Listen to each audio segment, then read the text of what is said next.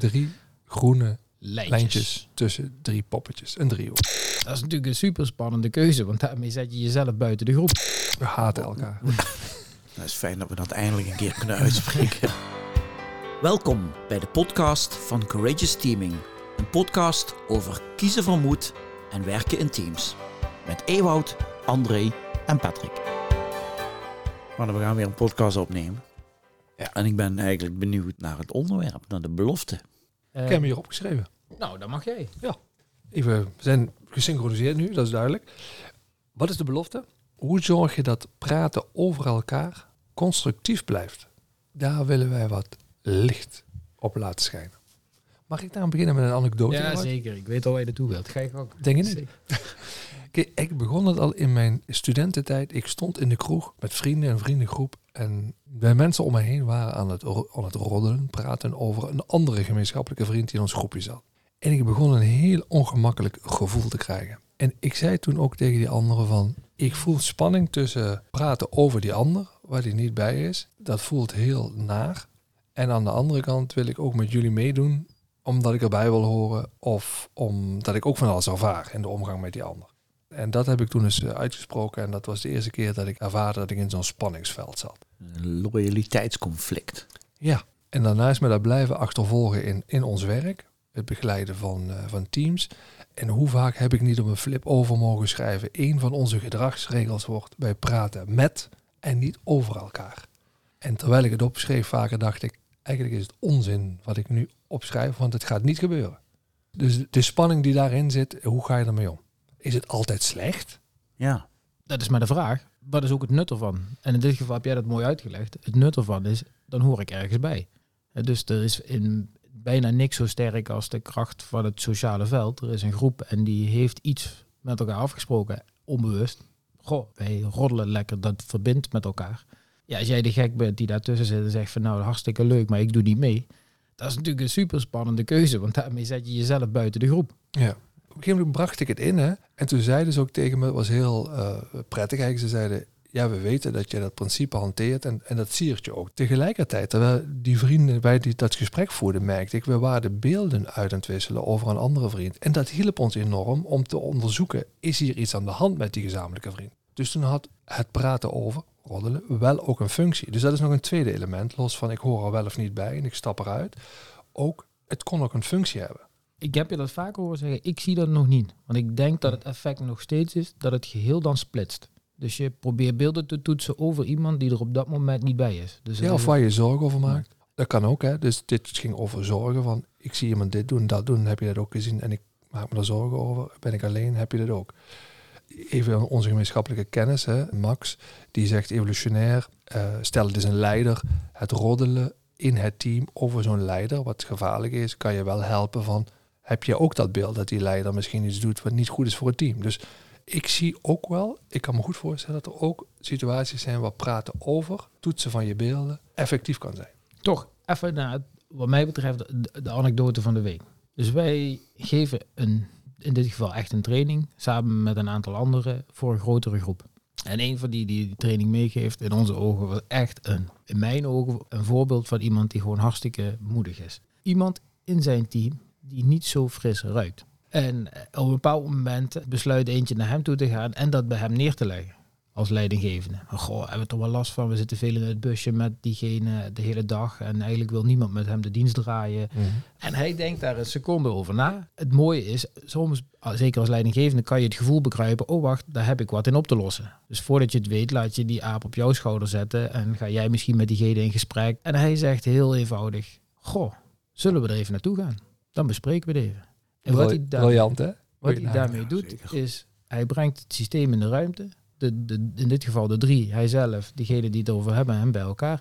En hij faciliteert dat goede gesprek wat hierover gaat. Met een gewenste uitkomst dat die jongen iets te horen krijgt waar hij zich helemaal niet bewust van was. En waar hij wat eenvoudig wat aan kan doen. Waardoor het opeens heel eenvoudiger wordt om met hem ook die dienst te draaien. Nou is dit heel klein, maar wat wij vaker zien is dat of een leidinggevende dat op zijn mouw laat spelden. Of dat we er van alles van gaan vinden over elkaar. En het enige stapje wat we dan niet doen is gewoon even zeggen van joh, zullen we even bij elkaar gaan zitten. Hey, dit is wat we ervaren. Ben je daar bewust van? En hoe kunnen we daar op een goede manier mee omgaan? Dat is een ontzettend moedige actie natuurlijk. Ja. Maar volgens mij raken we hier wel een soort van kern. Dat als je over iemand praat, wat is het doel daarvan? En als het doel is, we hebben geen andere gesprekstof, laten we eens even roddelen over iemand. Mhm. Dan is het per definitie niet goed. Maar als het doel is, we, we zitten met een issue, hoe kunnen we dit oplossen? En dan is natuurlijk de volgende stap, laten we diegene er toch even bij betrekken. Dat is natuurlijk het moedige verhaal. Maar dan heeft het een doel. Mhm. Of zien jullie dat anders? Ja, zoals jij het eh, formuleert zou je kunnen zeggen, als je dan al praat over, als dat tot doel heeft om samen de moed te verzamelen om naar de persoon of de personen toe te stappen en te zeggen, we kunnen we eens met elkaar praten, dan ja, is het eigenlijk moed verzamelen. Ja. Want, want dat is waarschijnlijk de angst. Je wil niet iemand kwetsen. Kan een reden zijn dat je nog niets gedaan hebt. Ja. De intentie die er aan ten grondslag kan liggen, kan ook nog net zijn dat ik die relatie niet op het spel wil zetten. Zeker. Ja. En het- dan doe je uit die intentie, die- doe je net iets heel onhandigs, wat eigenlijk de kans alleen maar vergroot dat die wel op het spel komt te staan. Dus ik denk dat wij leidinggevenden heel vaak in die positie geplaatst worden. Dus er komt een medewerker naar hen toe, die heeft eigenlijk een klacht. eh, en die leidinggevende in alle goede intenties gaat daar vervolgens in bemiddelen, in onderzoeken en in allemaal gesprekken voeren. Ja. In plaats van, hé, hey, kom even mee naar de betrokkenen, gaan we erover praten. Dus ik, ik breng iedereen bij elkaar. Dus het gaat in eerste instantie, ik noemde het doel, ik vind intentie veel mooier. Wat is je intentie om over iemand te praten? En daarna komt natuurlijk nog een vervolgstap, een moedige vervolgstap zelfs. Ja. Ja. Nou, klaar. Nou ja, je kunt het ook Op, omdraaien. opgelucht. Mag ik nou, eh, dit, dit wordt echt natuurlijk mijn eh lievelingsonderdeel van zo'n podcast, daar even eh, conceptueel wat tegenaan zetten. Oh, kun, kun je dat er, zet, zet maar uit Patrick. Ik vind Knopje het- rood. Nee, nee, nee, nee, nee, nee. Kijk, ik ben natuurlijk net als Ewout eh, Ah, conceptuele man. Dus ik... eh, nou, voor de ik ga- praktische ik ga luisteraars. nou iets harder uit- zetten. uitschakelen nu. voor degene die nog graag een conceptje erbij willen hebben. Hier komt hij. Eeuwoud. Zonder gekkigheid. Wij vragen wel eens aan mensen als we met een team beginnen. Van joh, stel je voor, wij zitten hier nu met z'n drieën aan tafel. Hè. Patrick, jij kent André nog niet. Maar je bent een hele goede vriend van mij. En je komt hier binnen en je weet dat André een goede vriend van mij is. Wat zou er gebeuren met de relatie tussen jullie twee? Precies wat er denk ik gebeurd is in het verleden, toch? Die relatie wordt ook... We haten elkaar. Het is fijn dat we dat eindelijk een keer kunnen uitspreken. nee, dat wordt een goede Dat relatie. wordt een, dat wordt een goede relatie. En Ja. dan spreken ze in de, in de systeemwereld spreken ze dan over. Dat wordt een, een stabiele, positieve driehoek tussen ons. En dat werkt lekker samen. Drie groene Lijntjes. lijntjes tussen drie poppetjes. Een driehoek. Hartstikke goed. Nou, stel je voor, er gebeurt nu iets. En eh André en ik gaan eens lekker eh, een beetje roddelen over jou. Of- Een rood lijntje tussen Patrick, Patrick en en mij mij. ontstaat. En hij gaat het daar met mij over hebben. Wat gebeurt er met onze relatie? Er komt spanning eh, op te staan. En dat is eigenlijk, want ook dan heb je ook weer een stabiele driehoek, een stabiele negatieve driehoek. Twee vriendjes hebben nou, met dezelfde persoon spanning. Dat kan ook in balans blijven. Hè? Dus rood tussen jou en mij, Patrick. En rood tussen jou en Ewout. En Ewout en ik hebben nog lekker groen. Ik maak het even visueel. Hè? Ja, ja. ja. Kun je nog volgen? ja ik volg het hartstikke goed. En wat wij eigenlijk proberen mensen te laten inzien is, goh, ben je er bewust van wat jij doet om in je team of organisatie zoveel mogelijk zeg maar, groene lijntjes te laten ontstaan. En in dit geval hè, zou ik tegen André moeten zeggen, André, ja, fijn dat je het bespreekt. Je brengt mij nu in een lastige situatie. Zou het niet dus een goed idee zijn dat wij met z'n drieën bij elkaar zitten en dat je dat gaat uitspreken? En En dan ga ik jou waarschijnlijk verleiden in jouw voorbeeld. Hè? Eh, En dan zou ik zeggen, ja, maar Ewout, dat vind je toch ook? Wat ik, ook- want ik zoek steun. Hè? Wat wat ik over Patrick zeg. Dat vind je toch ook? En dan moet jij dus de, de moed, de ruggengraat hebben van, even los van wat ik vind, zullen wij eens eh, bij elkaar gaan zitten? Of zou jij niet een gesprek met Patrick gaan voeren over dat thema? als je met elkaar wil samenwerken, moet je willen streven naar die positieve relaties, die driehoekjes.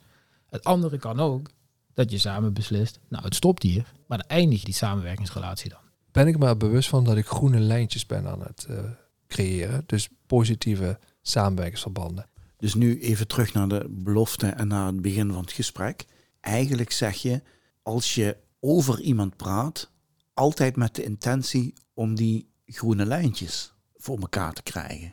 Ik hou eraan over ik praat wel eens over anderen en als ik dat doe, beschouw ik dat nu als ik ben bij mezelf de moed aan het verzamelen om naar die ander toe te stappen. En dan hoop ik dat mijn eh, gesprekspartner mij daarbij helpt.